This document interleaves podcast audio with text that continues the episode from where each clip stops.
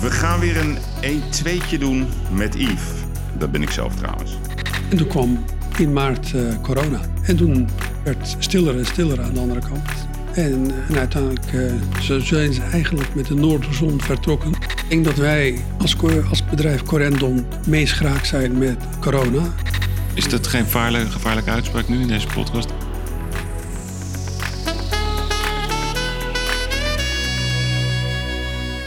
Welkom bij een nieuwe aflevering van de podcastserie Uitblinkers. Mannen en vrouwen die het verschil maken. En vorige week had ik als uitblinker de welbespraakte financieel onderzoeksjournalist Arno Wellens. Mooie uitzending, mooie scope. Opmerkelijke uitspraak ook over eh, Rutte in zaken de toeslagenaffaire. Ja, en deze week, hele bijzondere man, eh, uitblinker, eh, ondernemer puur sang, de oprichter van Corendon. En dat moet u wel kennen. Dat is ja, dat unieke vliegtuig wat eh, ooit eh, via de snelweg is vervoerd en wat daar eh, staat te glinsteren. bij Schiphol, een prachtig hotel. Heeft het allemaal zelf opgezet. Hij heeft een tour operator. Hardst getroffen bedrijf, denk ik, ehm, binnen de crisis. Daar ga ik hem zeker over vragen. Maar ik wil ook weten hoe hij dit bedrijf heeft opgericht. Hij kwam op eenjarige leeftijd naar Nederland uit Turkije. En heeft een, eh, een, een concern opgebouwd eh, om je hoed voor af te nemen.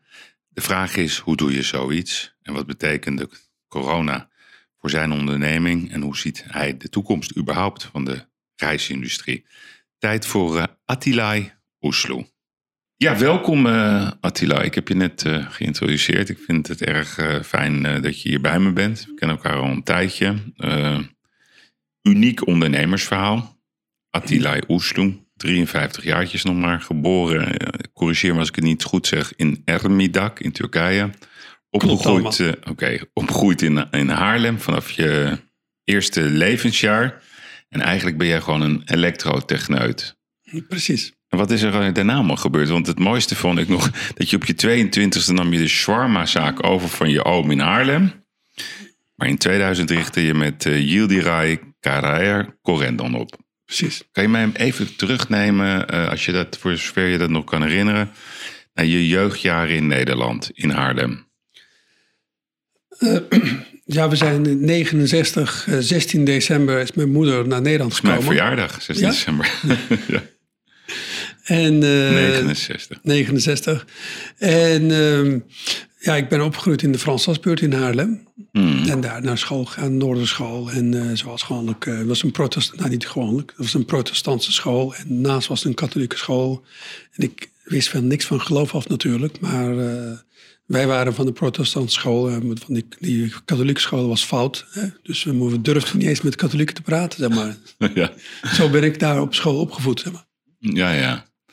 En zo ben ik als ondernemer, uh, zat er ook wel een beetje, ik, ik, telde iedere dag mijn geld, die centen die ik had uh, gekregen als zakgeld. En toen, toen kon je nog met centen betalen. Hè? Dus nee, maar je gaat heel snel, even, even nog, dus, dus jou, wat, wat deed je vader? Mijn vader was ondernemer. Uh, in wat? die had allemaal pensioentjes en ja, had dan ook soort een uitzendbureau. Uitzendbureau. Uh, toen bestond geen uitzendbureau, maar dan haalde hij dus mensen uit Immerdaal naar Nederland. En van Nederland werkte ze bij de NRM, dat is die drukkerij, die Spaardenstad van voorloper. Ja, dat. ja, ja. Daar, dat was eigenlijk, dat deed mijn vader. En je moeder? En mijn moeder, ja, die zorgde voor ons. Ja, heel goed. Ja. En, en je had, uh, ik ken een van je, zus, heb je nog meer broers, zussen? Ik ben nummer drie in de gezelschap, hè? dus we zijn met z'n vieren. Mm. De, officiële gedeelte dan natuurlijk. De, nummer één is uh, mijn oudste zus, Meral. Zij is regisseuse. Ja, die is regisseuse. Meral. Ja, Meral, ja. ja. En dan nummer twee, Tunjai. Tunjai, ja. Ja, is levensgenieter. En, mooi, mooi vak. Ja. En nummer drie is mijn zus, uh, Gunay. Nee, sorry, nummer drie ben ik. Nummer vier is mijn zus Gunay. Gunay, ja. ja. ja. En Gunay, die, die, die, die kennen wij dan weer, omdat ook Tamara, haar, uh, dat is mijn vrouw dan, die heeft voor haar boek had geïnterviewd. Precies. Wat doet Gunay allemaal precies? Gunay heeft, uh, voordat ze bij mij ging werken, was, gaf ze les bij UvA over kunsthistoriek. Ja, ja. En dokter geworden daarin en twee boeken geschreven. En nu bouwt ze hotels voor mij En eh, ja, dat soort dingen doet ze. En dan uh, tegenwoordig Ze bouwt ze niet letterlijk, maar ze, organiseert het bouwen. Nee, nee zij, zij zegt de baas uh, van de bouw. Ja, ja. Ook van de, dus echt begeleiden daarin. Ja. Fantastisch. Het bedenken van de concepten daarin, dat is haar job. Ja. En, En, en eventjes de jonge Attila, wat deed hij in zijn vrije tijd? Eh, geld tellen vooral. Als ik deed, Toen je jong was? 13 al? Dus nou, had- nee, ja, achttal, zevental. Acht. Nou, dat Geld tellen, Ja. guldens. Toen bij mijn besnijdingsfeest eh, had ik de 1100 gulden gekregen. Oh, Nou, dat was mijn, eigenlijk mijn echt grote eh, investering, was dat, besnijding. ja, ja, ja. Wat Ja. grappig. En hoe oud was je toen? Eh, negen. Negen. Dus toen was je al bezig met geld. En, en had je nog andere dingetjes die je deed in Haarlem? Hield je van sport? Gewoon straatvoetbal. Dat Straatvoetbal. Kon je een Ja. beetje voetballen? Ehm, ik had wel, eh, ja, nou ja, dat eh, eh, niet echt, denk ik. Nee, niet echt. Een beetje. Nee. Maar hou je van voetbal? Nee, ik hou wel van voetbal, ja. Want ben jij... Dus, Ajax-fan, ja. Ja, Ajax, maar nu komt de moeilijkste vraag. Uh, Fenerbahce, Galatasaray, Besiktas. Ja, maar ik, heb, ik ben natuurlijk hier opgegroeid. En eh, ja, toen had je nog een eh, team in Turkije, Trabzonspor. Ja, Daar had ik, had ik ja. Mhm. wel een eh, sympathie voor. Eh, maar in Turkije, ik weet niet wie in dezelfde nationaal elftal speelt in Turkije. Ah, Dus oké.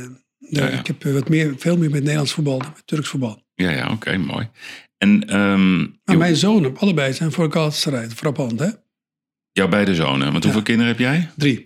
Twee jongens en En meisje. een meisje. Ja, ja. En die zijn, eh, hoe oud zijn zij? Eh, nummer één is 30 jaar oud en nummer twee is 16. Die zijn voor Galatasaray. Ja. En die zijn niet voor Ajax. Hoe, hoe Nee. verklaar jij trouwens? Hè? Dat is, eh, ik, ik zag van het weekend een heel mooie uitzending over andere tijden sport. Het ging ook over de Surinaamse voetballer, over de Marokkaanse voetballer Dries Boussata, die vroeger, dan praat je over twintig jaar geleden, die koos met hart en ziel voor, voor Nederland. En als je ze nu vraagt, dan zeggen ze nee, nee, wij willen eigenlijk spelen voor eh, Marokko. En eigenlijk als ik zo naar je luister, is, zijn jouw zoon denken ook zo. Denk, is er iets gebeurd eh, de afgelopen tien jaar, waardoor zeg maar eh, mensen die hier gewoon geboren zijn, die hier wonen, toch meer met hun hart zijn bij hun roots? Ja, Hm. kijk, toen ik opgroeide, er was er helemaal niet een soort, een, ik weet niet, eh, ik voelde me nooit een buitenlander of Nee. zo, zeg maar. Mhm. Dat, eh, ik ging gewoon mee met de flow, was niks. eh, Ja. En nu eh, worden ze heel snel in een hok geduwd, en terwijl ze gewoon Nederlanders zijn. En zodoende kiezen ze ook van, ja, op een of andere manier toch voor, daar voelen ze wat thuis, denk ik, kiezen ze voor Galatasaray. Apart, hè? Maar voelen jouw zonen, ik bedoel, een beter voorbeeld van, van integratie, als ik het zo mag noemen. Ik wil het niet eens zo noemen. Jij bent echt gewoon de, de, de, het mooiste symbool. Met niks begonnen. Je hardwerkende familie. Je, je denkt er überhaupt niet, we hebben het er ooit eens over gehad. Je denkt helemaal niet zo überhaupt. En opeens zien we de laatste tien jaar toch een soort trend... waardoor we een beetje anders naar elkaar kijken. En jouw zonen, die, die bevestigen dat. Want wat zeggen zij daarover? Waarom voelen ze dat? Nou, het is niet een bewuste keuze of zo, denk ik. Maar ik denk, ik weet, ik, ja, soms eh, denk ik ook over... Nou, waarom zijn ze voor Galatasaray en niet voor Ajax, hè? Hmm. En eh, ja, dat, dat, ik zou de antwoord ook niet echt weten, zeg maar. Maar dus eigenlijk als, als Turkije tegen Nederland zou... Dat is laatst gebeurd. We verloren ook van Turkije. Zij zijn dan voor Turkije? Dat, dat weet ik niet. Maar, maar als met, met, met het voetbalteam eh, zijn ze wel voor Galatasaray. Maar met het nationaal team eh, zou ik het, eh, weet ik niet. Echt, nee, ik denk dat, dat ze er toch gemengd gevoel waren. Ik, ik heb samen met mijn zoon gekeken. Mijn zoon was eh, echt eh, voor Nederland, zeg maar. Oké, dat is de, de jongste. De, de kleine. jongste, ja. ja. oké. De, de oudste heb ik nog niet gevraagd. Maar En de jij, jongste- ben jij voor het Nederlands elftal? Ik zeg altijd, ik ben altijd voor de winnende team. Oké, dat is heel diplomatiek. Nu even over de winnende ondernemer Attila. Dus jij ehm, bent al geld aan het tellen als je negen bent. Ehm, je neemt op je, ik maak even een sprongetje, op je 22e de shawarmazaak eh, van, je, van, je, van je oom over. En in 2000 richt je met eh, zakenpartner Corendon op. Is daar nog tussen iets gebeurd? Tussen de shawarmazaak en, en, en, en Corendon? Ja, dan, daar heb ik eh, nog een reisbureau opgericht. eh, van in 1994. Toen was ik dus vier jaar later, dus 26 jaar. Mhm. En, eh, en dat, met dat, dat kleine reisbureau later is Correndo geworden. Ja, ja, dus in 94. Ik zit even in de tijdgeest te kijken. Weet je dat mijn vader ooit een reisbureau had? Weet je dat? Geira Trips, Ferdinand Bolstraat. Nee. Maar ik was... Wanneer was dat? Nee, maar dat is gestopt in 1983. Ik ben van 66. 17. Nee, dus dat is, dat is daarna. Nee. Grappig, hè? Dat hebben we nooit ook verteld, volgens mij. Hey, ehm, dus je begint dat reisbureau. En, en wanneer voel jij ehm, dat jij dat snapt, dat ondernemerschap? Nou, Wanneer merk jij van, ik, ik, ik, ik, heb het, ik heb het in mijn vingers eigenlijk? Want wat Nou, was de eerste stap? Was dat de eerste stap was puur Nederland-Turkije of breder? Eh, met, dat, met reisbureau was alleen Nederland-Turkije toen. Ja, precies. En eerst was ik eh, naar de, de Turkse de arbeiders, zal ik maar zeggen, en verkocht ik tickets. En eh, later dacht ik, ja, hier, hier kan je niks mee verdienen. Ze zijn allemaal onderhandelaars en eh, al die marge ging weg naar hun. Ja. Toen dacht ik, ik moet iets anders doen. En toen eh, verkocht ik reizen aan de gewone Nederlanders. Hè? Eh, dan praat ik over 1994. Hè? En daar verdien ik wel geld mee. Toen eh, ben ik langzamer aan die hoek gegaan. En toen dacht ik op een gegeven moment, dacht ik, ja, ik moet ook een tour operator starten. En zo ben ik een tour operator ga- eh, gaan starten. En dan, eh, ja, dan gaat het door. En dan eh 2005 de airline, dan hotel. Ja, oké, dat gaat even heel snel. Ja. Wat kan je even uitleggen voor mensen die dat niet weten? Wat is een tour operator? Tour operator is een reisorganisator. Mhm. Dus die de reizen, pakketreizen organiseert. En die, vroeger werd dat verkocht door de reisbureaus. Mhm. En, eh, en ik was een reisbureau, dus tour operator producten verkocht ik bij een reisbureau. Dus een tour operator was iets groots voor mij. Toen ben Ja. ik dus eh, met tour operator gestart in 2000. eh, ja, een jaar 2000. Ja. Ja, ja, nee, precies. Dus gewoon even voor mensen. Als je bij de Albert Heijn komt, koop je een zakje chips. Ja. En op een gegeven moment denkt Albert Heijn, ach, wij kunnen die chips zelf ook maken. En dan staat het Albert Heijn sticker erop. Ja, dus dan, dan, dan, eigenlijk, je wordt eigen, eigenaar van de infrastructuur. Dus jij wordt tour operator. Eh, wat, is, wat waren de eerste gebieden waar je in, in, in Turkije, want het was toen allemaal Nederland-Turkije, toch? Ja. En waar lag je, legde je de focus op toen? Nou, dat was een bestemming die nu eigenlijk bijna niemand heen gaat. Dat was Özdere, eh vlakbij Izmir. Ja, Dat was mijn eerste eh, garantiebestemming. ja, ja. En eh, ja, ik stuurde iedereen daarheen. En later Alanya en zo. Dit zijn natuurlijk tegenwoordig zijn heel andere bestemmingen in Turkije populair dan wat ik, waar ik mee begonnen ben. Want wat, wat is nu trouwens, ik weet dat niet, wat vind jij de allermooiste bestemming op dit moment in Turkije om heen te gaan? Wat echt dat je zegt, nou dat is zo mooi, dat is een schoonheid die zijn weerga niet kent aan de kust. Kijk, dat, is- dat is de regio van Bodrum. eh, dat is wel eh, echt heel mooi. En de plek waar ik woon, maar dat zeg ik niet, want er gaat straks iedereen daarheen, maar daar komen geen toeristen. Oh, oké. Oké, dat is goed. Ik, vond, ik ben ooit in Kemer geweest, ik weet niet of je dat ook kent, dat vond ik ook echt wel prachtig. Is dat in de buurt van Bodrum? Nee, dat is op 500 kilometer van Bodrum. Dat is, Kemer is eh, Turks Riviera. Ja. En eh, dat is vooral Russen komen daar nu op vakantie. Oh, oké, oké. Oké, dus de omgeving van Bodrum, dat is nog steeds een mooie parel in, eh, in, in, in Turkije? Ja, Want hoe gaat het daar nu eigenlijk op dit moment met, met corona en met, met, met, met de economie? Wat is de status van het land in jouw perceptie?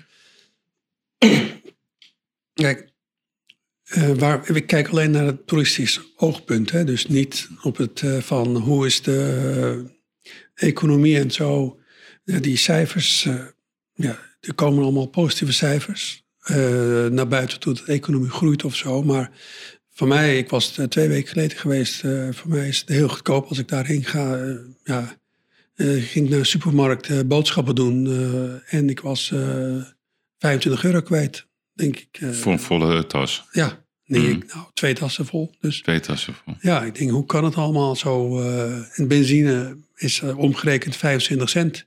25 cent? 75. 75 cent, ja. ja, Dus eh, het is het leven, ja, je koopt een eh overhemd eh, echt van goede merken, praat ik over, voor 10, 15 euro. ja, ja. Dus het is wel, eh, eh, de Turkse lira is enorm eh, gedevalueerd. Ja, ja, ja. Want even voor mij, hè, kijk, ja, ik weet dat je er, ik ga toch, al- ik ga al van tevoren zeggen, ik weet dat je daar niet graag over praat, maar ik ga toch de vraag stellen.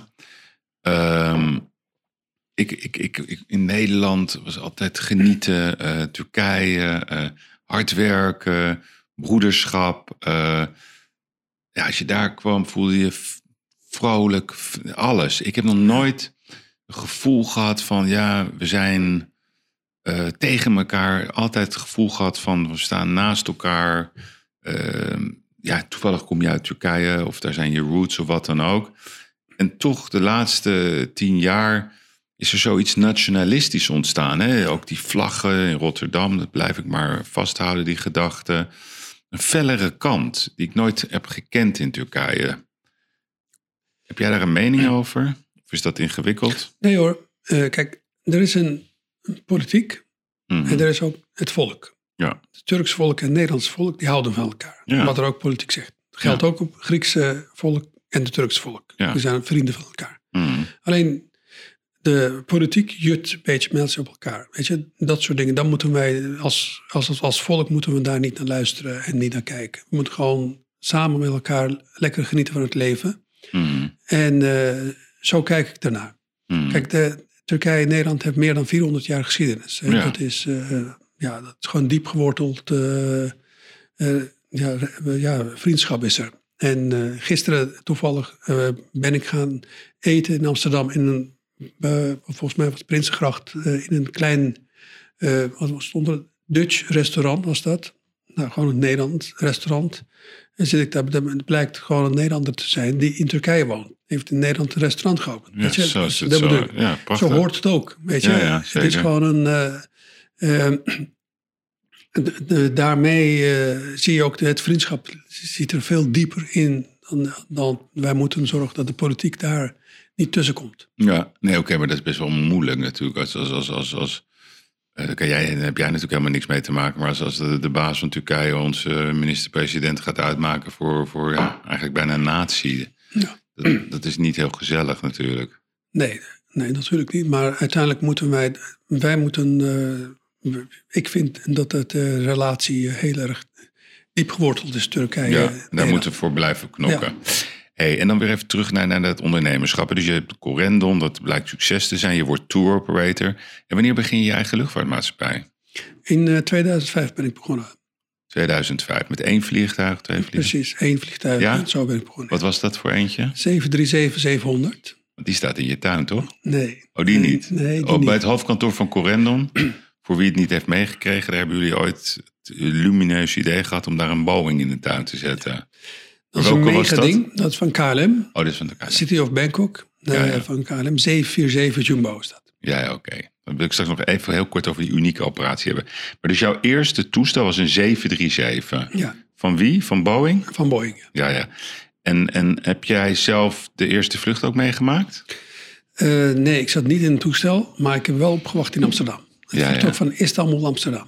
Ja, ja. En wat, was, wat voor gevoel had je daarbij toen dat ding landde in Amsterdam?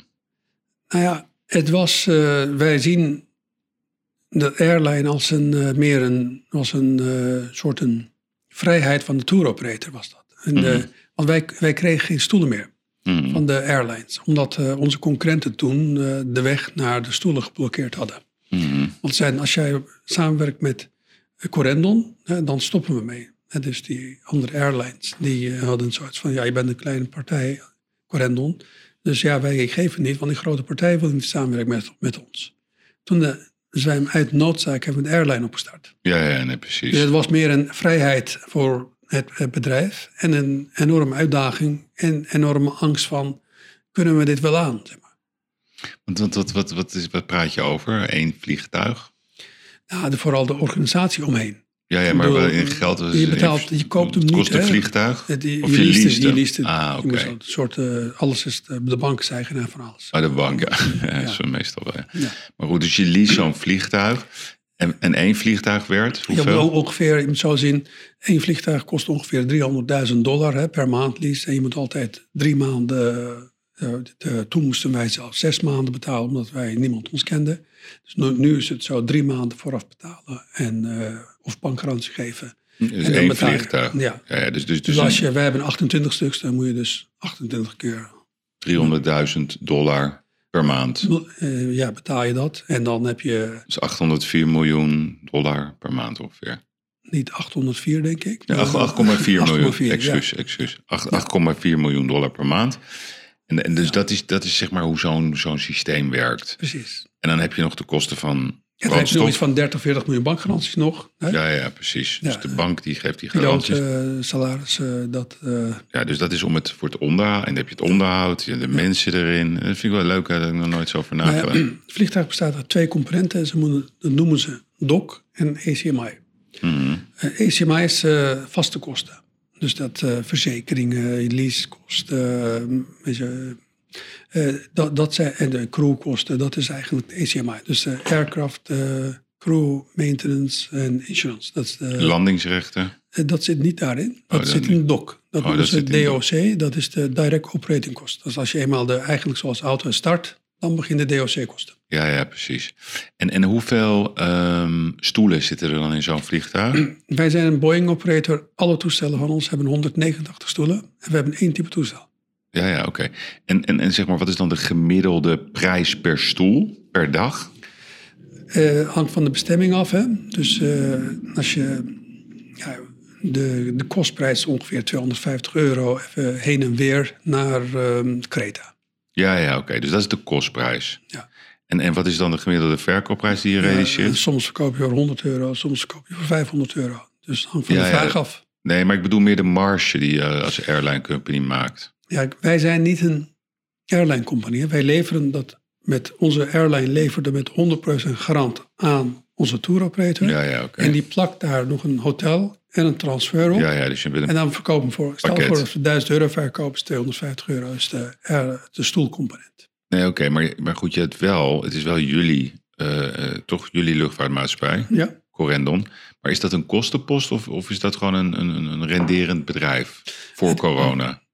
Eh, al onze bedrijven waren winstgevend. Ook, Ja, ja. ehm, Dus ook die, die airline airline ook. Ja, ja. Ja, en, eh, maar het is iets van voor de. We hebben twee businessmodellen. Tour Operator heeft ook een eigen airline met drie toestellen. Ja, En daar is het een, een kostenpost. Dat klinkt heel negatief, maar zo nee, maar ik niet. het, ik begrijp het. daar wordt niet gekeken hoe winst of verlies gemaakt. Dat is gewoon een, ja, een vervoermiddel van een In airline. het pakket. In het pakket, ja. Ja, ja, dus en, gewoon... en, en ja. aan de andere kant hebben we een airline. Ja, En dat is Corendon Airlines. Die, eh, die zit eh, vooral in Duitsland. Die vervoert iets van 8 miljoen mensen. ja, ja, maar dat is ook van jou, toch? Is ook voor mij. Ja. Ja. Samen met de compagnon.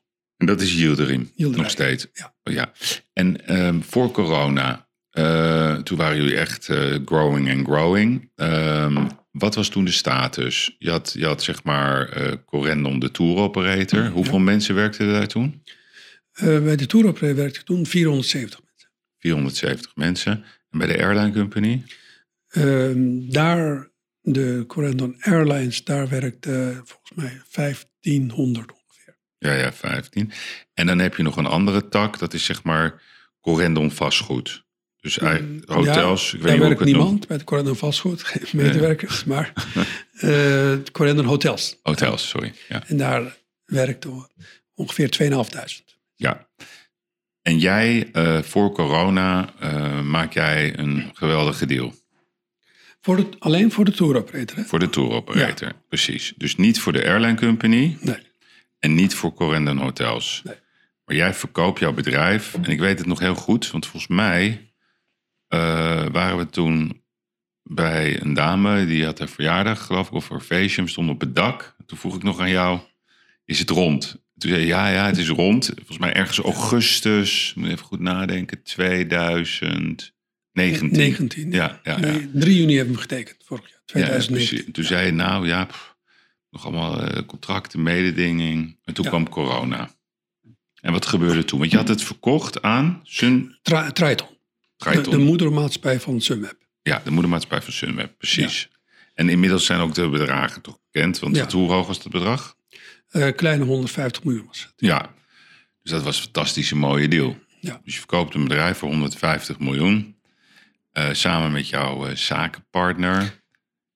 En toen? Wat is er toen gebeurd? En nou ja, ze waren heel blij. Wij, waren ook blij. Iedereen was blij. Iedereen was blij. Want het bedrijf was eigenlijk veel meer waard dan dat. Hmm. En, En we, we- we- toen ging Thomas Cook failliet. En het bedrijf werd eigenlijk dubbel waard. Toen waren ze nog blij. Ja. Eh, en eh, wij konden zien, eh, dus 2020, januari, februari waren ze van... Jeetje, want, we, we gingen de resultaat meer dan verdubbelen. Wat Mm. ze gekocht hadden. En, en toen kwam in maart corona.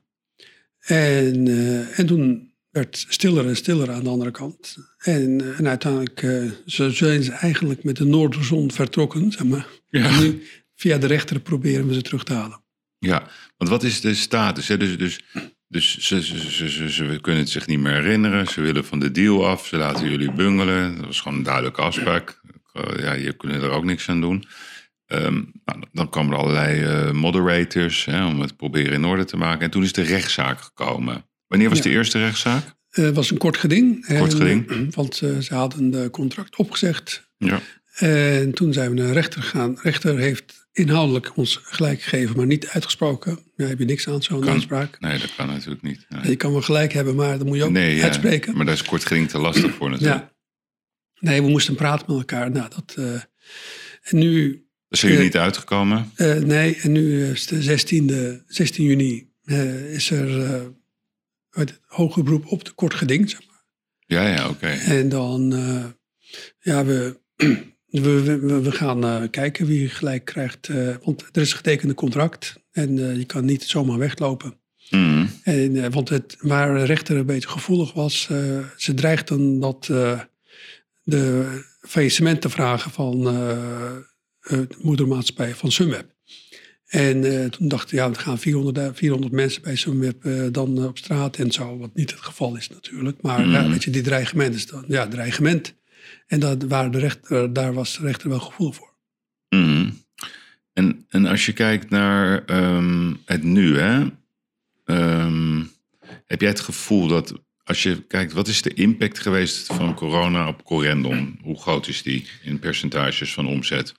Nou, eerst hebben we de, de impact. Ik denk dat wij als, als bedrijf Corendon meest geraakt zijn met corona. Dat denk ik Nog ook. erger is geen enkel bedrijf geraakt, want we zitten in een hotelbranche die dicht was. Ja. Eh, airline die niks deed. Die al alle toestellen die we hebben, we zaten gras te eten. 15 maanden lang. Mhm. En dan eh, de tour operator, die kon geen reis verkopen. Hadden het negatief reisadvies hadden we. ja. Eh, terwijl onze concurrenten lekker konden vliegen, wij konden niet. Eh, want wat deden de concurrenten? Die vlogen alleen een vlucht. En mensen konden gewoon bij een eh, online website een hotel boeken. Hè? Dus ja, mensen gingen wel op vakantie, maar niet met ons.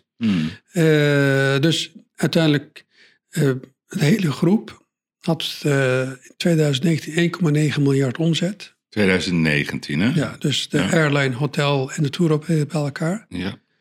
En dat eh, is, eh, was gezakt onder de 300 miljoen. Ja, ja, hadden- in 2020. 2020, ja. En die 300 miljoen die is waarschijnlijk ook allemaal van januari, februari 2020. Ja, exact. Nou ja, ja. Dus jij verliest eigenlijk door corona 1,6 miljard aan omzet. Eigenlijk nog meer. Dus 300 miljoen en 1,1 miljard. Dus 800 miljoen is dat. Nee, maar ik bedoel, kijk, in 2009 heb je 1,9 miljard omzet als groep. 1,1. Oh, sorry, dat had ik niet goed gehoord. 1,1. Ja. En dan 2020 heb je eigenlijk voorjaar eh, zit je op 300 miljoen. Nou, dus dan verlies je 800 miljoen omzet. Plus nog de groei. Want hoe groot, eh, hoeveel hadden je gegroeid in 2020? Normaal? De schatting was 1,5 miljard. Ja, ja, moet je nagaan. Dus Ja, de dat- budgetten. Alle budgetten bij elkaar. ja. En meestal haal jij die budgetten ook. Wij haalden het meer dan de budget. Ja, precies. Dus we- we praten over een terugval in omzet van 1,2 miljard. En, ehm, en, en, en waar zijn jullie door in gesteund? Door, ik neem aan, die nauwregeling.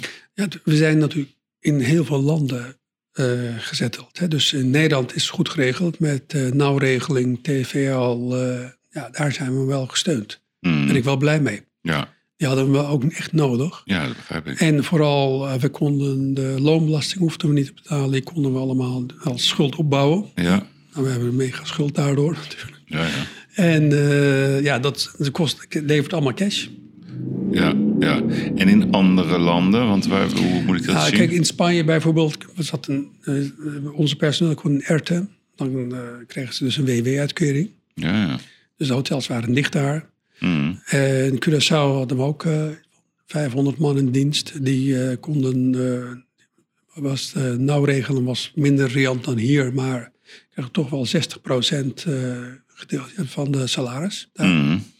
En, eh, en, in, en in Turkije was ook een soort nauwregelingen. Maar Mhm. dan, die leek meer op Spanje, zeg maar. In de WW moesten ze dan. Ja, ja. Ja. Dus, dat vind ik wel een, een mooie vergelijking. Dus, dus jij zegt eigenlijk dat, eh, want dat mag ook wel een keer gezegd worden, dat de Nederlandse overheid binnen Europa eh, het best heel aardig heeft gedaan. Met De beste verschillende- regeling was in Nederland. Ja? Ja. Niet in Duitsland? Nee. Nee, nee, Duitsland zijn we ook heel klein, zijn we in Duitsland. Maar Ja, ja. dan moet je gewoon, eh, ja, moest je in WW. Ja, ja, dan precies. kreeg je, de medewerker kreeg dan eh 70%. Ja. En als je dan kijkt naar, eh, dus dat, dat, dat lijkt mij, wat, wat, doet, wat doet dat eigenlijk met jou als mens? Dus aan de ene kant, je hebt, je hebt, je hebt, je hebt eh, echt met helemaal niks, heb je een waanzinnig concern opgebouwd.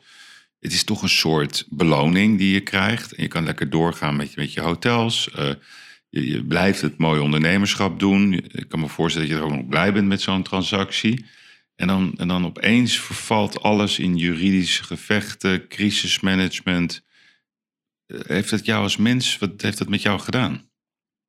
Eh, ja, natuurlijk. Eh, wat, wat meest vooral voor- bij mij gedaan heeft, ik ben rustiger geworden. Ja, je komt ook heel rustig over. Je was toch al wel redelijk rustig.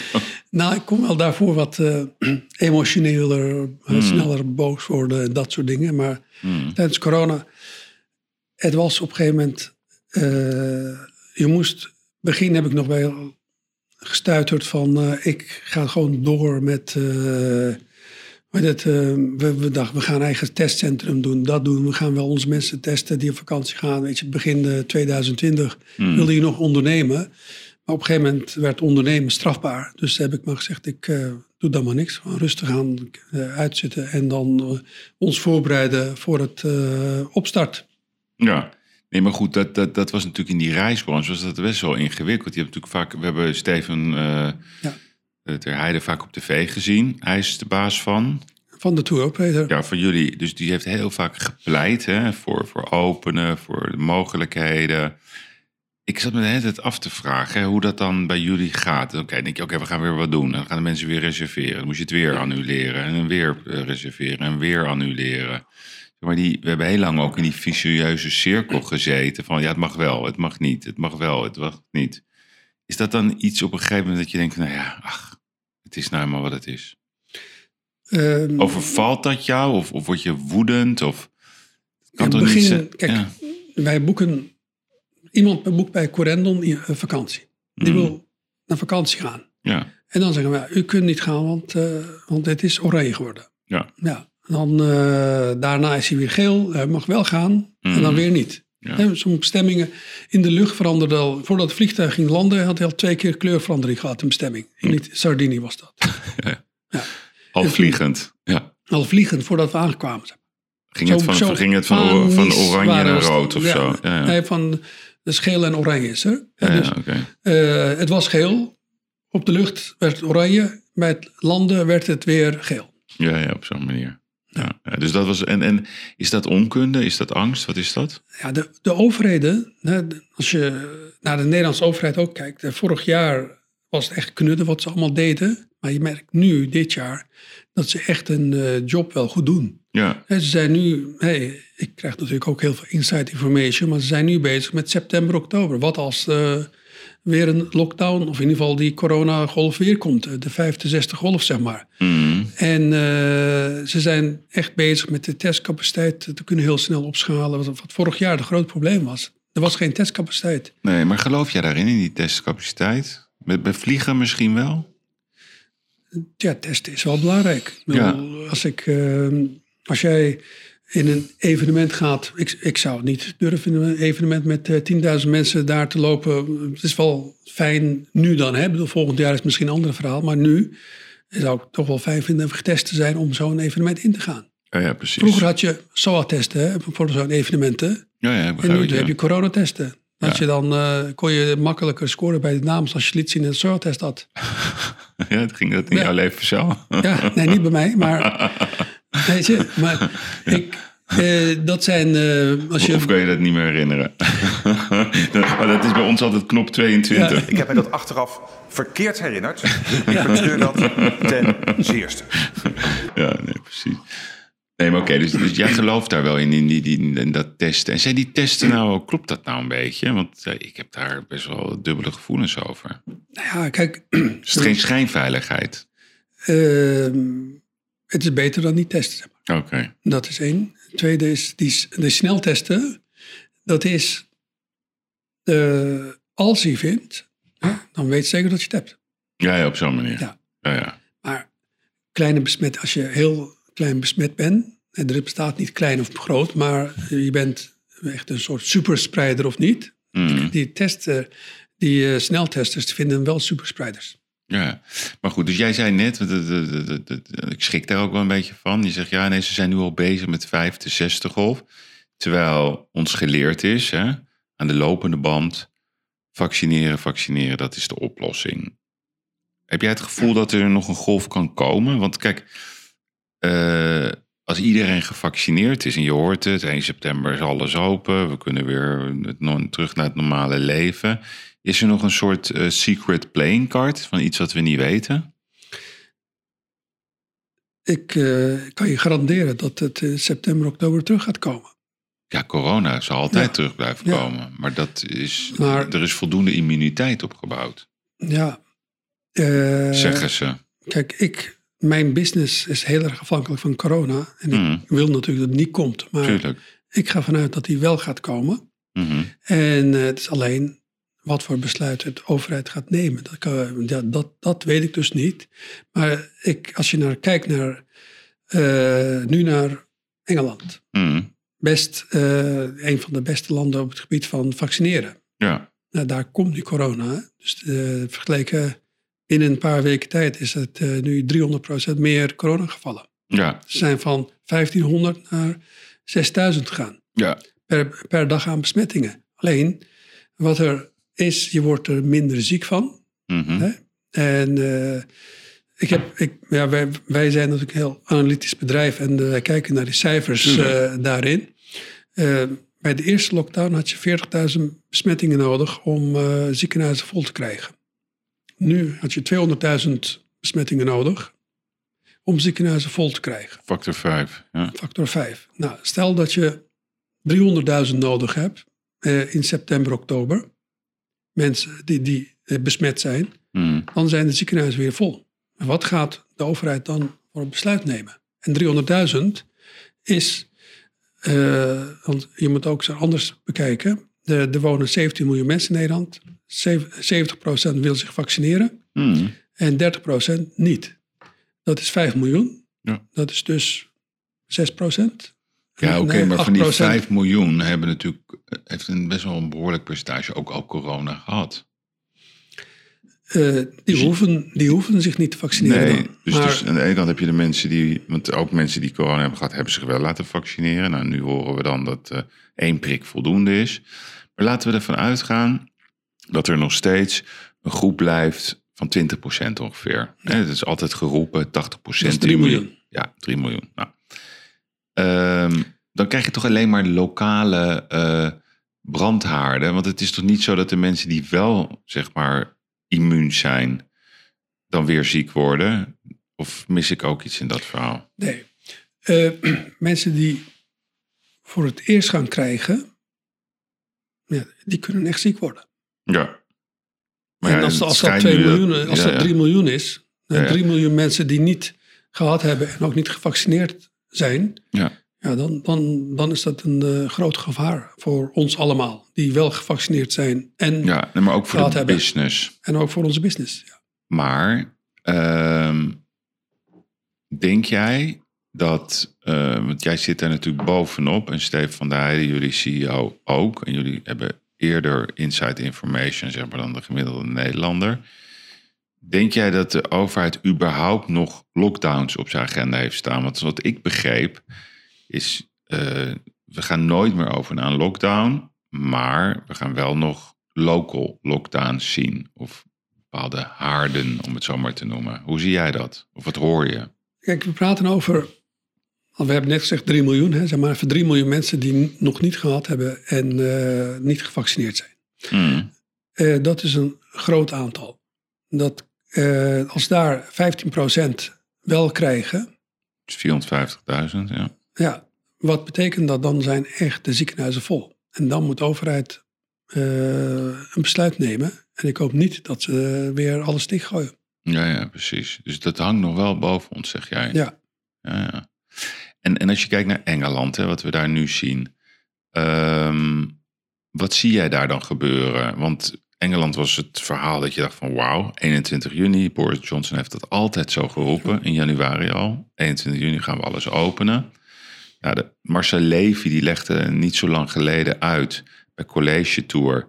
dat hij het, zaaien van angst geen goed signaal vindt. Toen had hij het over de Indiaanse variant. Ging hij uitleggen dat dat een wijk was en wat daar gebeurd was. Het getal wat we nu lezen, en dan wil ik het niet horen van Ab Osterhuis of weet ik veel welke, of Marion Koopmans, maar voor jou gewoon, van jou gewoon als ondernemer, want jij staat er veel objectiever in. Wat is dan wat daar gebeurt in Engeland? Is dat, zijn allemaal niet gevaccineerde mensen? En waar ontstaat dat dan?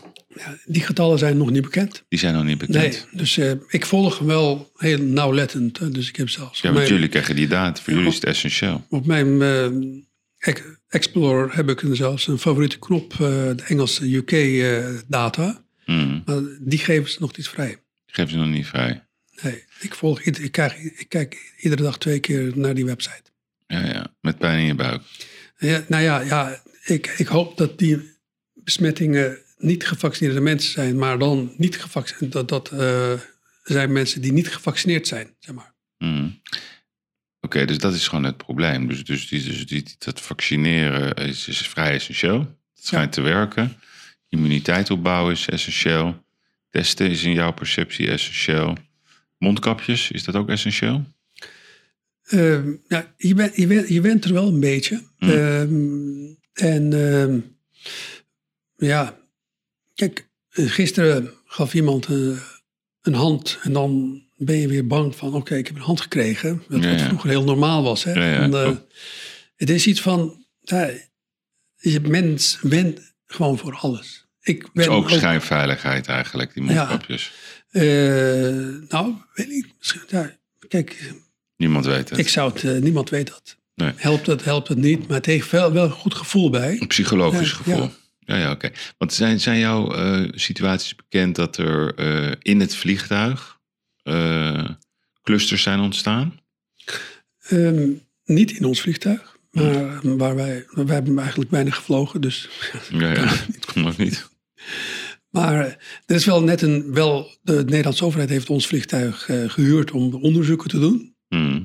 En ik mag dat eh, uitslag, uitslag niet zeggen hier. Dus Oh. eh, die, binnenkort komt dat naar buiten. Maar jij weet het al. Ik weet het wel, ja, maar ik mag het niet zeggen. Mag je ook niet zeggen of het positief of negatief nieuws is? Of... Niks. Nee, want het is hun uitslag, hè, hun, hun, hun onderzoek. eh, Ja, ja, maar dat klinkt niet, heel gezellig. Je moet, binnenkort komt het naar buiten. Oké. Ehm, ja, je bent nu toch wel me nu een beetje aan het twijfelen. Ja, kijk, ik heb het zelf natuurlijk al. Want als je kijkt naar Curaçao, hè, ehm, jullie hebben daar nu recentelijk een hotel geopend op Curaçao. Prachtig hotel, jullie vliegen daar vaak. Wat is daar nu de situatie op Curaçao? Ik vind er bijna geen besmettingen meer. Geen besmettingen. Nee. En eh, het is ehm, bijna 100% prik eh, uitgedeeld. Dus dat betekent ongeveer 60% van de bevolking is eh, gevaccineerd daar. Ja, ja, oké. Want hoeveel mensen wonen locals? Hoeveel zijn dat? 156.000. En daarvan zeg jij is 100.000 ongeveer. eh, 85.000 eh, is eh, gevaccineerd. ja, ja, ja, precies. En, En, hoe is, en, Van de 85.000 heeft 70.000 ook twee prik gehad. Oké. En hoe is daar de bereidheid? Vaccinatiebereidheid? Ja, het is nu klaar. Wel, ja, er zijn genoeg vaccins, maar niemand wil meer. Per dag komen er nog 200, 300 bij. Dus die anderen willen niet. Dus daar, willen daar, niet. daar zie je ook. En wat is het argument waarom ze niet willen? Ja, het is, eh, de argumenten zijn heel komisch, maar ja, die zijn er wel. Eh, Zijn dat, er wel. Moet ook dat respecteren. het eh, Bill Gates een soort chip eh heb gezet en Ja, dat is echt, dat leeft echt, hè, die Ja. gedachte. dat soort dingen, is, dan denk je, ja. Ja. Ja. Ja. En in de kerken wordt ook nog eh, gezegd van... eh, Maar dat is een, dat is geloofsovertuiging. En je ziet ook in Nederland, hè, dat in, de, in zeg maar de, ja, de oorspronkelijke immigratiewijken, laten we het zo maar noemen, dat daar de, ook, ze hebben laatst ook Amsterdam cijfers gepubliceerd, enorm relatief gezien lage vaccinatiebereidheid is. Hoe zou jij dat oplossen? Ehm, nou ja, eh, ik zal, wat, wat me ook vooral ook verbaasd is, bijvoorbeeld. Het zijn gewoon niet alleen waar mensen denken van, ja, weet je, in de buitenwijken en zo er minder eh, bereidheid is. Hmm. Dat klopt ook. Maar er is ook nog een, een groep mensen, dat ik niet begrijp, die echt eh, gestudeerd hebben en eh, universitaire opleiding, hè, econometrie, dat soort opleidingen gestudeerd hebben, die, die zeggen van, ik ga me niet vaccineren. Ik ben er gezond. Ja, ja. Ja, nu nog, weet je. En eh, daarom, ik begrijp heel veel de beweegredenen niet. Ja, je. Ik ben ook gevaccineerd. Hmm. Hè? Terwijl ik enorme eh, hoeveelheid eh antistoffen in mijn lichaam heb. Ik laat Mm, me één keer twee maanden om eh, meten. ja, ja. En ja, het- Oké, dus dat, dat, dat, dat hangt nog steeds boven de markt. En als je, als je ehm, nou, kijkt... vooral wat AstraZeneca en Janssen hebben niet echt... Nee, niet bij, nee, maar dat is, die begrijp ik ook. negatieve... Ja, Ja, maar goed, het is ook best wel, als je nadenkt. Hè, dus de ene week zeggen ze, ja, twee prikken. En dan opeens uit het niets, heel kort, even op het NOS-journaal. Ja, ja, oké, als je al een keer corona hebt gehad, eh, zes maanden geleden. Nou, dat maakt niet uit. Als je überhaupt corona hebt gehad, dan is één prik voldoende, punt. Alsof het, ja, dat is toch logisch dat de mensen dan heel raar kijken. En dan krijgen we nu het verhaal van de lekkende e-mails eh, van Wuhan, van de Fauci in Amerika. Dat zijn geen complotmensen. Het zijn allemaal hele serieuze mensen. De meest vooraanstaande microbioloog van Amerika. Die heeft nu gezegd, ja, het artikel wat in Lancet vorig jaar verscheen, daar sta ik niet meer achter. Moet onderzocht worden. En Dat, dat, dat is natuurlijk wel iets waar, waardoor mensen twijfels krijgen. Dat begrijp ik wel. Maar, maar ook de microbiologen wisten niet waarover ze hadden beginnen. Nee, nu nee, weten nee. ze steeds meer en meer. Ja, en nog steeds, hoe meer ze weten, hoe minder ze weten. Ja, ja. Mooi. Dat is het eigenlijk. Ja, dat is het, hè. En daarin, kijk, ik, heb, ik kan alleen van mijn omgeving, als iemand een corona heeft, eh, volg ik altijd van hoe gaat het en neer. En eentje krijgt het zwaar, de andere krijgt het, voelt er helemaal niks van. Nee, hè. nee. En eh, naar mezelf persoonlijk kijkend, eh, ja, het is in Nederland heb je, als jij je eh, antistoffen laat testen, krijg je eh, geen, de- niet de waardes. Wat Nee, voor nee. waardes je hebt. Ik bedoel, de definitie is, eh, de, ik weet niet wat dat achterliggende, 0,9. eh daarboven is positief, wat Hmm. goed nieuws is. Hè? Daaronder is negatief. Maar als het 1,1 is, hè, dan ben je positief. Maar dat is net de grens. Over twee weken ben je weer negatief dan. Ja, Je ja. wil toch wel weten wat de waardes zijn. En dat wordt in Nederland niet gegeven. Nee, nee. En als jij kijkt naar de luchtvaartbranche, hè, want ik bedoel, jij ziet dat, jullie kunnen jaren vooruit kijken. Hoe zie jij die toekomst? Als jij een voorspelling mag doen, wat er de komende vijf jaar gaat gebeuren op de airports, in de lucht, wat gaan we meemaken volgens jou? Ehm, ik zal, kijk, ik kan wel over mijn branche, de leisurebranche, zetten. Ja. Dat kan ik wel vertellen, want dat, het is nu al gekhuis. Hè. Er zijn een bepaald paar bestemmingen open. Eh, Ja, Ik geef een voorbeeld, Ibiza in juni. We hebben nooit vijf vluchten vol gekregen hè, afgelopen jaren. En dit jaar is gewoon vol per week. Hè. Vijf vluchten vliegen we. Mallorca vliegen we vijf vluchten. En ehm, wat ik daarmee bedoel is, mensen hebben een enorm honger naar vakantie. Ze Nee, willen allemaal naar vakantie. iedereen wil op vakantie. Ja. Maar Ze En- moeten ook wel op eh, plaatsbestemming komen. Precies. En daar kan je dus, Ibiza kan je moeilijk eh, met de auto. Ja. Zwemmen is ook Zwemmen gedoe. is ook eh, gedoe, dus je moet echt met een vliegtuig komen. Mhm. En kijk, mensen gaan niet minder vliegen, wat je ook doet. Ze gaan gewoon wel op vakantie. En, eh, en misschien voor de show gaan ze een paar keer eh, met de auto ergens heen, links en rechtsaf. Maar Ja. voor de Maar je rest... kan wel eh, met de auto naar Ibiza, hè, via Barcelona. Het kan wel. ja, eh, of ik weet niet of dat eh, veel eh, milieuvriendelijker is. Nee, nee, dat is een andere discussie. Begrijp ik. Maar hoe kijk jij naar die toekomst van die airline companies? Hè? Ik bedoel, ik moet altijd denken, die ongelofelijke volle eh, ehm, ja, rijen, drukte, op de airport. Geduw, getrek. ik, ik, ik vond dat onprettig. Ik heb tijdens corona best een aantal keren mogen vliegen. Eh, om allerlei verschillende redenen. Wat een feest was dat. Ja, die Dat rust. leeg bedoel je, ja. Ja, ja, nee, dat begrijp ik. Maar dat snap ik ook wel dat dat, Dat is, eenmalig dat is geen was. feest voor de airline maatschappij. Nee, dat begrijp ik ook. Dus dat, dat, dat, die pijn is natuurlijk eh, onze pijn van ons allemaal. Maar hoe zie jij zelf de toekomst? En als je het even beperkt tot Nederland, hè, laten we mee beginnen. Van enerzijds onze luchtvaartmaatschappij, onze, gewoon onze Schiphol. Of andere kleinere vliegvelden. En hoe zie jij de toekomst van die airline companies? Wat gaan we zien?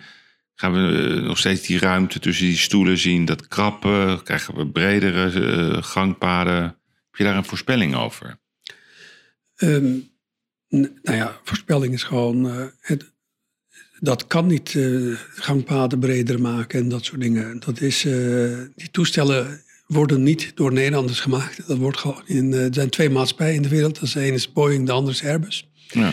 En eh, die- je kan hem kiezen of Airbus of Boeing. Dus A, B is het ook. Hè? Dus je moet- Het enige waar je voor kan kiezen, zeg maar, dat, dat je die middenstoelen niet verkoopt. dat is het enige wat je kan doen. Ja, ja, En, precies. en dat, dat was voor de crisis al. Dat was niet, Zeker. eh, ja, voor corona kon je al zeg maar, de stoel naast gewoon kopen. Ja, ja, precies. Maar nu zien we, eh wat je zegt dat net, eh, ja, mensen die zitten achter een computer. Oké, we mogen weer, dus dat gaat Ja. als een idioot. Ehm, dus- Wat ik wel merk ik van mijn klanten- Ja, precies. Ik Ja? Wat is je Wat- gevoel? Wat ik wel merk van mijn klanten, de reissommen bij ons was gemiddeld eh 770 euro per pax, per persoon wat betaalde. Nu zitten we rond de 1000 euro. Ja, ja. De reden is niet dat de reizen duurder zijn geworden, maar ze gaan naar duurdere hotels. We krijgen die appartementen en Ja, de drie sterren hotels niet verkocht op dit moment. Ja, ja, wat Mensen willen alleen naar vier of vijf ster hotels. Interessant. Ik heb het gevoel van, er zijn twee dingen. Zeggen van, misschien is het de laatste kans, dus laten we maar nu gaan naar een duurder hotel. Hè? Mm. Ja. Eh, of, eh, ja, eh, het is iets van, eh, we, kunnen, we hebben een jaartje gemist, dus daarom gaan we een duurder hotel betalen. Een van de twee is het, denk ik. Maar dit, dit is, wat is dit? 26, 70, po- 27 procent groei in prijs per gemiddelde bestelling? Eh, ja. Dus van, dat komt door niet prijsstijging, maar Nee, nee, echt- nee, besteding, de- exact. Ze gaan Dus een naar een bestedingsbedrag. product kopen. Is ook bij een bedrijf als, als Corendon, hè, wat echt Ja. gewoon een, eh, voor iedereen. Hè, dus ehm, ehm, de- j- jullie merken dat de, de, de, de, het gemiddelde bestedingsbedrag na corona ongeveer 26% hoger ligt als voor Precies. corona. En de, Ja. en de uitleg is, ze willen naar mooie hotels, duurdere hotels. Is dit een tijdelijk fenomeen omdat mensen heel veel hebben gespaard? Ehm, ja, kijk, ik weet, weet het niet. Ik kan daar natuurlijk alles Maar wat wat ik zeg is gewoon. ehm, wat mijn gevoel zegt van, we hebben, ja, het is heel lullig voor de Engelsen natuurlijk dat ze niet op vakantie mogen. Hmm. Maar eh, ik merk nu, eh, bijvoorbeeld eh, Ibiza, bij, als je naar Palladium White Island zou gaan, hè, dat is een vijf sterren all-inclu- ultra all-inclusief hotel direct aan zee, heel duur. Eh, nu nog steeds kost die 15, 1600 euro per persoon, hè, maar Waar is dat? eh, in Ibiza, Ja, ja. de Engelsen komen niet meer. Dus wat doen? Al die bedden komen vrij. Dus wij krijgen extra kortingen, 30 tot 40 procent op die kamerprijzen. Die zakken naar beneden. Het wordt gewoon betaalbaar voor iedereen een beetje. Ah, op zo'n manier. Dus die, ik was een paar weken geleden in Ibiza. En eh, het was gewoon een Nederland, Nederlands enclave. Ja, ja. Dus er wonen meer Nederlanders in Ibiza dan in Texel op dit moment. Ja, ja. En ook omdat het betaalbaar is. Nou, betaalbaar, nog steeds Relatief. hoog geld. Nee, hè, nee, oké, maar- Ja, Maar goed. normaal had je 2.500 mensen- euro moeten betalen. Nu ga je voor 1500 euro naar hetzelfde hotel. Ja, ja. En, Inclusief vlucht. inclusief vlucht. Ja, ja. Ja. En, en, en, en hoe, hoe, hoe, hoe ligt het gevoel bij mensen dat ze, eh, wij, ik noemde dat met, in de podcast met Erik, dat de testindustrie waarschijnlijk nog groter wordt als de luchtvaartindustrie, omdat je je vooraf moest laten testen, je moet je op de airport laten testen, je moet, als je terugvliegt moet je laten testen, et cetera. Soms is het testen duurder, ik heb het zelf ook meegemaakt, als het vliegen. Maar goed, daar hebben we, hebben we ook een oplossing voor. Hè? We hebben eh, mensen die... We hebben, wij kopen massaal in. Dus Hmm. bij ons betalen ze 40 euro voor PCR-test. Ja, ja, En 20 euro voor antigeentest. ja, ja oké. Nou, Maar dan moet je wel bij ons boeken. Ja, ja, en, Wij en- verkopen niet los. Nee, nee. En, dan, en waar doe je dat dan? Dat testen? 60 locaties in Nederland. Ja, ja oké. Dus je boekt Ja. bij jullie en dan krijg je een code. En, dan, en jullie kopen dat op die manier in. Ja, ja. Maar wat grappig, hè? Want je zegt, kopen massaal in. De overheid koopt ook massaal in. Ja, maar zij zullen dat ook wel betalen, denk ik. Ik weet niet wat zij betalen. Ja, nee, ze betaalden in eerste instantie 30 euro garantie voor de normale test. Ja. Dat is, toen kwam die generaal, Tom Middendorp, die zei nee, het moet 8,92 euro zijn. Maar zij betalen voor capaciteit. Dus stel nou voor, ik maak een deal, ik ben van de overheid. Ik zeg nou, eh, Attilai, wij maken een deal voor 100.000 testen per dag. En dan zeg je, ja oké, prima. Voor corona, voor, voor, voordat dat veranderd werd, was dat dan 3 miljoen per dag. Moet je nagaan. Zonder capaciteitsafname. Dus als er maar een derde komt, dan, moet, dan kregen ze nog betaald. Dat is bizar, hè? Ja, Ja. Je gelooft het bijna niet, maar het is echt waar. Dat is leuk zaken is doen, een- hè? Dat is iets, Ja, daar wil ik niks van weten. Heel goed. Dat gedeelte. heel Want goed. Mooi We antwoord. hebben gisteren ook eh, op tv gezien een aantal... hè, Over de eh, mondkapjes. mondkapjes ja, en zo, dat soort dingen. Dat hebben natuurlijk hebben wij heel veel mensen verdienen daar geld mee. En, Ja, vind je dat verwerpelijk?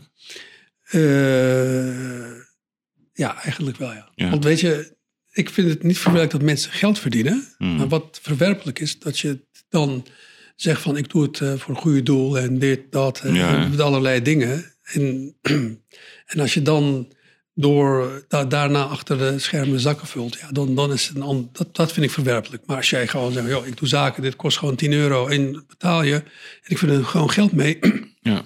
dan is er niks mis mee. Ja, grappig, hè? Dat is, het is zo'n simpele casus eigenlijk. En, en op de een of andere manier, daar gaat het gewoon om. Dat is eigenlijk de hele kern van Maar, alles. je mag in Nederland geld dat. verdienen, weet je. Ja, maar, maar, Ja. maar je moet niet dat, dat hele schijnheilig achter, dat bedoel Nee, ik nee, exact. Nee, maar ja, dat is duidelijk. Ja, uiteindelijk, wij komen reizen, we verdienen ook geld mee. Ja, natuurlijk. Hey, en, en, en Attilai, ehm, 16 juni is het grote rechtszaak. Eh, heb je hoop nog dat het goed gaat komen? Kijk, ik ben er zelf niet mee bezig. Nee, nee. Nee, dat doet, eh, we hebben een bedrijf, hè, eh, Steven van der Heijden is daar de CEO van. Ja.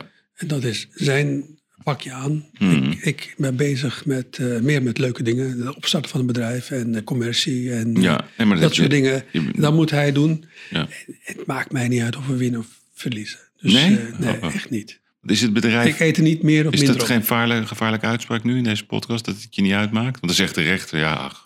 Nee, maar als we gelijk hebben, rechter moet, iedereen moet zijn job doen. Ik moet ook mijn job doen. Als wij ongelijk hebben, moet ook, moeten we ongelijk krijgen. En als Ja, we gelijk hebben, moeten we zo- gelijk krijgen. Ja, je wilt wel graag gelijk krijgen natuurlijk. Ja, Maar het maakt je eigenlijk niet uit. ja dat is, eh, wij denken dat we gelijk hebben. Maar als de rechter een andere idee heeft, ja, daar hebben we ook respect voor.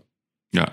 En, en ehm, als jij kijkt naar 2022, hè, wat verwacht je dan? Op welk niveau zit normaal gesproken dan jullie groep? Even vanuitgaande dat het bedrijf niet is verkocht.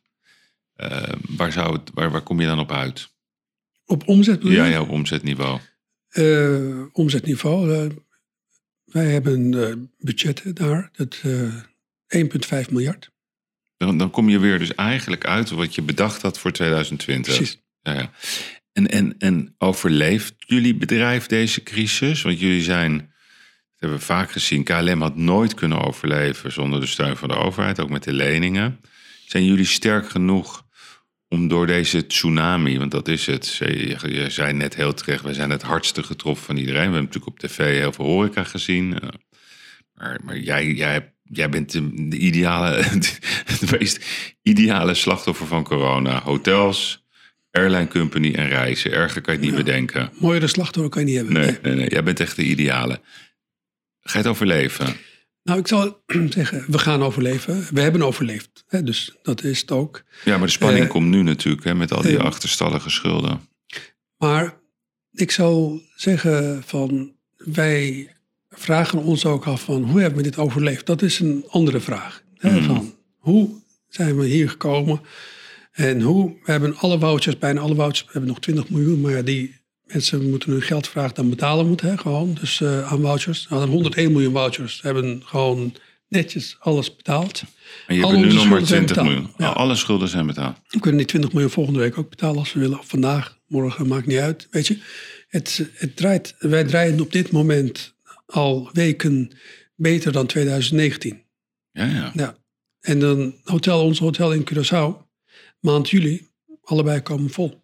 Mhm, Eh, Ibiza eh, is vol. mhm. Alleen de Amsterdamse hotels moeten nog vol komen. De enige waar we nog echt... eh En Amsterdam Hotel bedoel je het hotel bij Schiphol? eh College Hotel College en Hotel. City Hotel, Corendon City Hotel. En waar zit Corendon City Hotel? En dat is tegenover Slotervaartziekenhuis. Ja, dat zie ik. Ja. En wat is de capaciteit nu ongeveer bij die, bij die hotels? Ehm, we hebben duizend kamers totaal. Hè? En de, we hebben ongeveer 400, 450 kamers bezet. Ja, dus je zit nu op een capaciteit van 45 procent. Ja. En wat was het normaal voor corona? 80 procent? Nee, eh, 98 procent. 98 procent. Ja. ja, dat is vrij uniek. Ja. Ja, ja. En, en, en waar, waar komt dat door? Omdat er gewoon te weinig toeristen zijn, te weinig Mensen komen evenementen, niet Amsterdam. geen congressen. En ook niet met de euro, ja, met, dit, eh, met het EK. Verwacht je daar wat van? Ehm, nee. nee, want weet, weet je waarom? Kijk, het is iets van, eh, we hebben nu alleen maar Nederlanders in ons hotel. Ja, ja. Want de Duitsers mogen niet komen. Nee, maar dat is het probleem Ja, natuurlijk. Engelsen mogen je niet moet het komen. van alle Nederlanders Belgen hebben. mogen niet komen. Ja, Fransen mogen niet komen. Dus als ze komen, moeten ze allemaal twee weken in quarantaine in Nederland. Hè? Of tien dagen, sorry.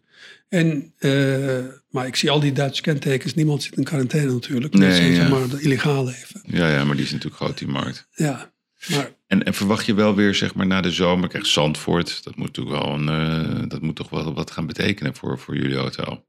Eh, de Grand Prix. de Grand Prix. Ja. Ja. als dat 100% open mag, ja, dan... eh, want Ja, daar ziet het er wel maar- naar uit. Ja, goed, dat dat is zo. maar één weekend maar, hè. Ja, ja, klopt. Het jaar is 365 dagen. Ja, ja, oké. Dus, dus, en in het buitenland, even voor, voor, voor, voor de luisteraars, je hebt Corendon op Ibiza, je zit eh Curaçao, waar zitten jullie nog meer allemaal? Met eigen hotels dan, hè? In Antalya, in Kemar zitten Ja. we. Lara zitten we. Allemaal Turkije. Ja.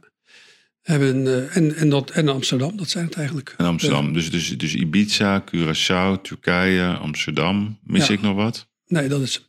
Turkije hebben twee hotels. Ibiza één. Ja. eh, in Curaçao twee hotels. En Amsterdam drie. En voor de podcast zei ik, je moet dus eh, met mijn vriend Erik de Vlieger... In Portugal bedoel ja, ja, ja. ja, ik ben Ook een enorm... mooie bestemming. Ja, daarom. Wat vliegen jullie wel op Faro? Ehm, wij, wij, hebben daar, wij vliegen daar met Transavia. Ja, dat doet Transavia. dagelijks ja, vliegen met Maar niet als. Corendon zelf. Nee. Dus dat zou, kan dat wel in de toekomst gebeuren? Ja, nou, Dan moet wij je kunnen zelf... enorme nee, stroom hebben. Nee hoor, wij kunnen eh, zelf zo vliegen. Maar we hebben daar eh, eh, met Transavia ook een goede deal. Dus, Ja, ja, oké, dus zo werkt al dat. Ja, ja, naar Curaçao vliegen we met KLM. KLM. Dus dat is een roulatiesysteem. Ja, en dan sommige bestemmingen vliegen we zelf, de andere vliegen met Transavia. Maar Varo wordt echt Transavia bestemming voor ons. Mooi. Nou, ik hoop dat zolang als Transavia ons geen capaciteit geeft, zetten we eigen machine in natuurlijk. duidelijk. Ik hoop dat dit allemaal gaat lukken. Ehm, wat adviseer jij jou? Je hebt een zoon van 30 en een zoon van 16. En als vader zou je ze een advies kunnen geven waar ze hun geld, hun energie in moeten stoppen. Wat, wat adviseer je jonge ondernemers eh, om nu te gaan doen als ze graag ondernemer willen worden? In welke branche moeten ze stappen? Wat adviseer je algemeen?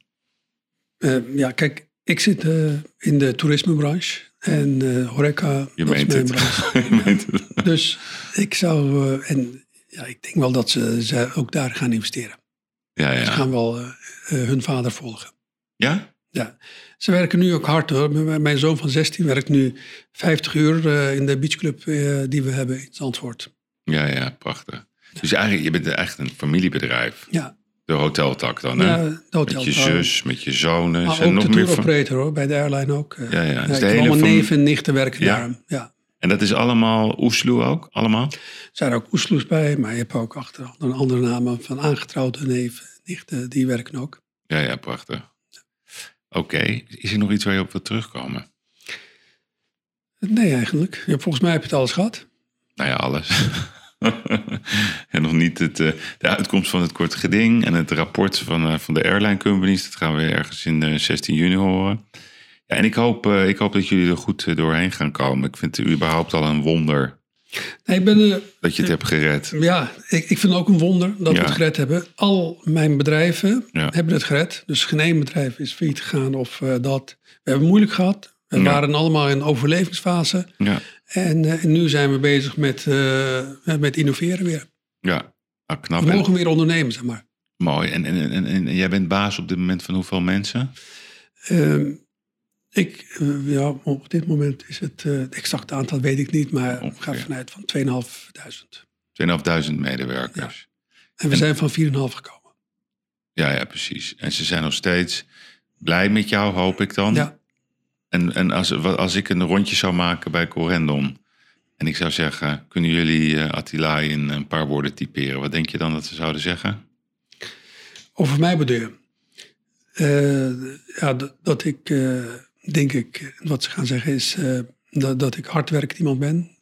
En dat ik er altijd voor ze ben. Hardwerkend, passievolle, Ja. loyale mensen. Mooi. Nou, bedankt. Ik kan, ik kan niet anders tegen de luisteraars zeggen dat het echt een bizarre prestatie is. Wat je hebt neergezet als, als, ja, als jongetje die eigenlijk met niks is begonnen. Met, met je shawarma-zaak. En je hebt daar zo'n mooi concern. Ik heb het ook van binnenuit gezien. En eh, enorm betrokken, eh, enorm servicegericht. Dus eh, ik neem mijn hoed. Ik heb geen hoed, maar ik ga er maar vanuit dat ik een hoed heb. Die neem ik nu voor je af.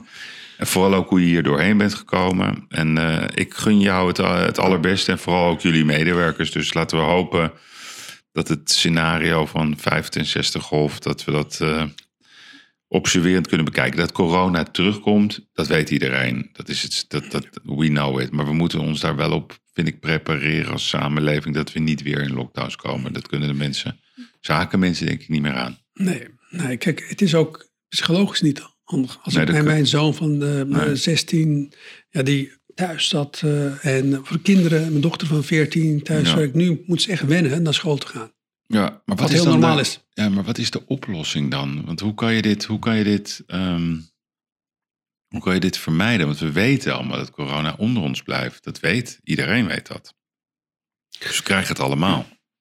Of Ja. moet je het gewoon laten gebeuren en gewoon slim reageren op? Ja, ik denk dat we gewoon de verantwoordelijkheid bij de mensen leggen. Ja, je lijkt Rutte wel. Die doet dat ook. Nou, eh, lockdown is niet de, de juiste oplossing dan. Nee, nee. het Ja, ja, op zo'n manier. Ah, oké, vertellen- zo bedoel je het. vertellen wat de gevolgen zijn. Ja. Je kan ziek worden, je kan in intensive care gaan, je kan Ja. zelfs doodgaan. Hè? Ja, dat die gevolgen weet. Ja, En als je wil vaccineren, vaccineer je, niet vaccineren, niet vaccineren. De gevolgen moet je zelf ondervinden. ja, exact. Dus niet, niet altijd maar rennen naar het ziekenhuis. Ja, Ja, ja. En vind jij het ook een idee ehm, dat we één coronaziekenhuis hebben in Nederland? Heel groot. In plaats van al die bestaande ziekenhuizen hiermee belasten. Dat we zeggen, weet je, we hebben één coronaziekenhuis. dat zou heel verstandig zijn. Ja, hè? Ja. Dat lijkt Dat me echt. want al die zorg gaat achteruit. Nu ben je twee jaar bezig, hoor ik, eh, lees ik in de krant. Ja, maar je moet, het, je moet het echt buiten de reguliere ziekenhuizen trekken. En het lijkt erop dat het minder IC ge- gerelateerd is. Hè? Omdat eh, de oudste bevolking eh, natuurlijk zwaar is eh, ingeënt. Dat werkt. Dat, is gewoon, dat zijn gewoon feiten. Dus eigenlijk moeten we één groot zorgziekenhuis hebben voor het geval dat. Ja, ik ken er eentje die tegenover mij al Slotervaartziekenhuis. Ja, Die ja. zit al eh, jaren leeg. Ja, dat was van eh Aysel Erbudak. Hè? Ja. Heb jij haar ook gekend? Ja, ik ken haar. Ja. Ja, dat, Dat is mijn bu- buurvrouw was het natuurlijk. Ja, nee, maar dat hele slotenvaartje, maar dat heeft nu Cor van Zadenhof of zo overgenomen, het vastgoed.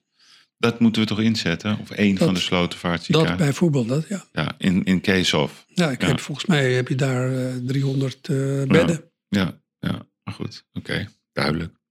Dankjewel, Attilai.